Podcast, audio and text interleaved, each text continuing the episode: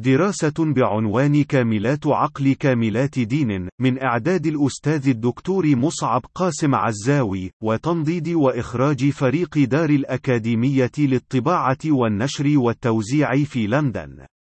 من الناحية العلمية الفيزيولوجية فإن هناك تطابقا شبه مطلق في القدرات الوظيفية للدماغ بين الذكور والإناث، وإن كل تلك الاختلافات الإحصائية التي كانت محل اعتقاد بعض الباحثين في عقود مضت عن تفوق الذكور في القدرات العقلية الحسابية وفي الرياضيات عموما، وتفوق الإناث في المهارات اللغوية واللفظية، تبين أنها عائدة بشكل رئيسي لأنماط التربية الاجتماعية السائدة في بعض المجتمعات التي تمت تلك الدراسات عليها، وهي الاختلافات التي تبين عدم صحتها في حال تطبيق نموذج من الرعاية التربوية والتعليمية لا يوجد فيه أي تفضيل لجنس على آخر، كما هو الحال في نهج التربية والتعليم في فنلندا راهنا، وبينت الكشوف البحثية الحديثة في مجال مجال فيزيولوجيا الدماغ أن الاختلافات التشريحية والوظيفية بين أدمغة الذكور والإناث تعود لتأثير الهرمونات الجنسية التستوستيرون والإستروجين والاستراديول على تلك الأدمغة في مرحلة تخلقها الجنين وخاصة على بنيتين تشريحيتين في جزء من أدمغة البشر يشتركون فيه مع أقرانهم من الكائنات الحية الأخرى يدعى الدماغ المتوسط الأولى الأولى منها منطقة ما تحت الوطاء هيباثالاموس المسؤولة عن نظم عن الكثير من الوظائف النفسية والفيزيولوجية ومن ضمنها الارتكاسات العاطفية والوجدانية والغريزية وما يرتبط بها من ذكاء عاطفي عبر تشابك تلك البنية التشريحية مع القشرة الدماغية التي تمنحها بصمات الإنسان العاقل وقدراته على التحليل والاستنباط والإدراك والتخطيط للأفعال.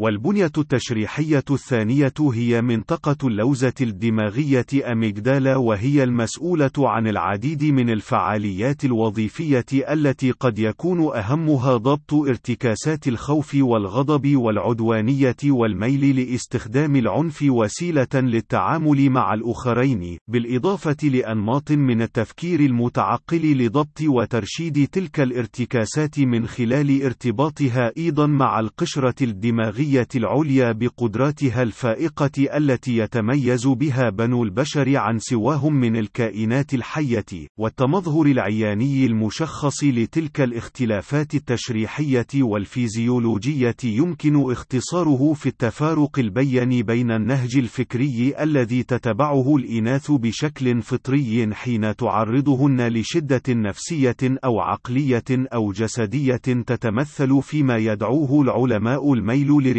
وحماية المقربين وخاصة البنات والأبناء، والسعي للتواصل مع المحيط الاجتماعي تعاطفا وتراحما في سعي لإيجاد حل بشكل جمعي للتعامل مع تلك الملمة، وهو ما يدعى باللغة الإنجليزية tend and befriend، بينما يكون ارتكاس الذكور في نفس ظروف الشدة النفسية أو العقلية أو الجسدية السالفة الذكر متمركزا أساسا حول حول التحضر للقتال أو الصراع مع الأسباب التي أدت لحدوث الملمة، أو الهروب من مواجهتها أو حتى في بعض الأحيان جمودا عقليا وبدنيا وإحساسا بالعجز المطلق عن أي قدرة للتفاعل مع تلك الضائقة، وهو ما يدعى باللغة الإنجليزية fight.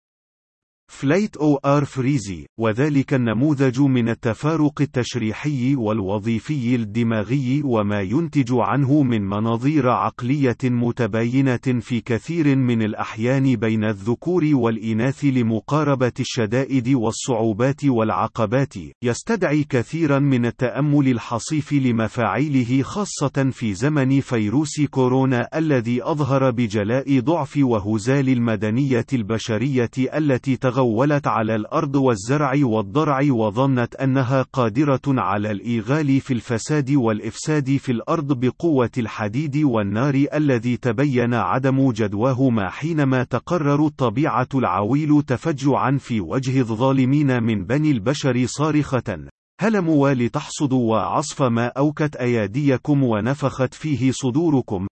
وهو ما تجلى في التعثر المريع على المستوى الكوني في التعامل الممنهج مع جائحة إنتانية كان لا بد من حدوثها بعد أن لم يترك البشر بقعة من الأرض إلا وانتهكوها حتى لم يعد للحيوانات ملجأ سوى البحث عن مأوى لهم بين بني البشر وهو ما أقتضى نقل فيروساتهم الحيوانية معهم لتستوطن أيضا بين بني البشر والتي كان أخرها فيروس كورونا وقبله فيروسي حمى الخنازير والطيور وفيروس سارس الأول وغيرها من الفيروسات التي لا تزال تنتظر دورها في الإطباق على حيوات بني البشر بعددها الذي لا يقل عن مليون وسبعمائة ألف والتي قد تجعل من حكاية فيروس كورونا حنجلة تسبق رقصا شيطانيا مهولا في قابل الأيام وبالتدقيق في مستوى استجابة دول العالم المتقدم. المقدم لكارثة فيروس كورونا لا يمكن سوى الالتفات إلى الخزي والإخفاق العلمي والسياسي والحكومي في الولايات المتحدة وبريطانيا اللتين احتلتا المرتبة الأولى في عدد الوفيات بالنسبة لعدد السكان، وإلى النجاح المنقطع النظير أساسا لنيوزيلندا وألمانيا بدرجة أقل، والذي لا بد من أن يعزى قليلا أو كثيرا لنهج رأسي الدولة في كلا البلدين الولدين وكلاهما من الجنس الرحيم أعني الإناث وهو النهج الذي اتسم بالصدق والصراحة والمصارحة والاتكاء على معرفة وخبرة العلماء بدل احتقارهم والتفنن بكل أشكال وتلاوين البهلوانيات السياسية لترقيع العيوب وتحويل الهزائم الأخلاقية إلى انتصارات سياسية خلبية وبتأمل الواقع التراجيدي المهول الذي ينتظر بنو البشرية إطباقه على حيواتهم ومستقبل أبنائهم والمتمثل في دخول الكارثة البيئية الكونية الراهنة مرحلة لا عودة بعد بضع سنين قد لا تتجاوز السبعة منها، قد تجعل من معاناة البشرية راهنا من فيروس كورونا رحلة سياحية ترفيهية، إذ قد تصبح الأعاصير، والفيضانات الطوفانية، والقحط السرمدي حال كل يوم، بالتوازي مع ارتفاع درجة الرطوبة والحرارة لدرجة تجعل من الحياة في غير منطقة من بلاد العرب غير صالحة للحياة فيها لعدم قدرة الجسم البشري فيزيولوجيا على تبريد نفسه فيها، وهو ما سوف يجعل من الحج مثلا حلما لا يستطيع إليه سبيلا أحد، هذا عدا عن تصحر غالب المناطق الزراعية التي يأكل من خيرها الناطقون بلسان الضاد إن لم تغمرها مياه البحر والتي قد يرتفع منسوبها الراهن لأكثر من عشرة أمتار في نهاية القرن الحالي.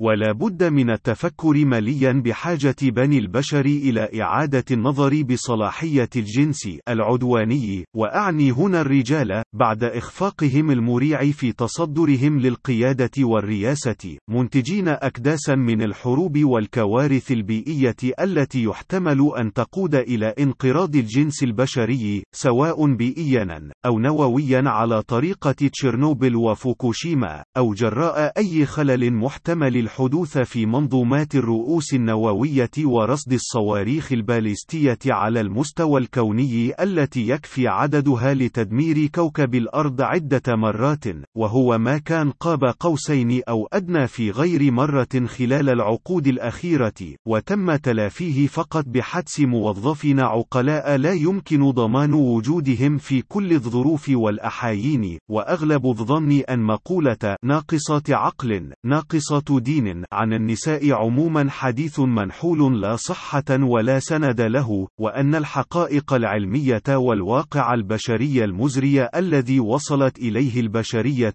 ويحتمل فناءها خلال بضعة عقود في حال استمرار غلواء البشر وإصرارهم على السير في طريق الغي والفساد والإفساد في الأرض، قد يستدعي إقرار السادة المكرمين من الرجال التنحي عن دفة القيادة، وتسليمها لل اللاتي أثبتن جدارتهن بشكل عملي في التعامل مع الشدائد والملمات التي لا بد أن تتكاثر بمتوالية هندسية في المستقبل المنظور على البشرية جمعاء، دون أن تعرف حدودا أو أجناسا أو أعراقا أو أديانا أو مذاهب للبشر الذين سوف يحتضرون جراء حلولها المجلجل، ولأن الاعتراف بالحق فضيلة، فقد يكون من الحكمة إعادة الاعتبار لكل الأمهات والأخوات وصانعات الحياة وحافظاتها بكونهن. كاملات عقل، كاملات دين، إذ أن ذلك الأخير الحق، أي الدين، هو نهج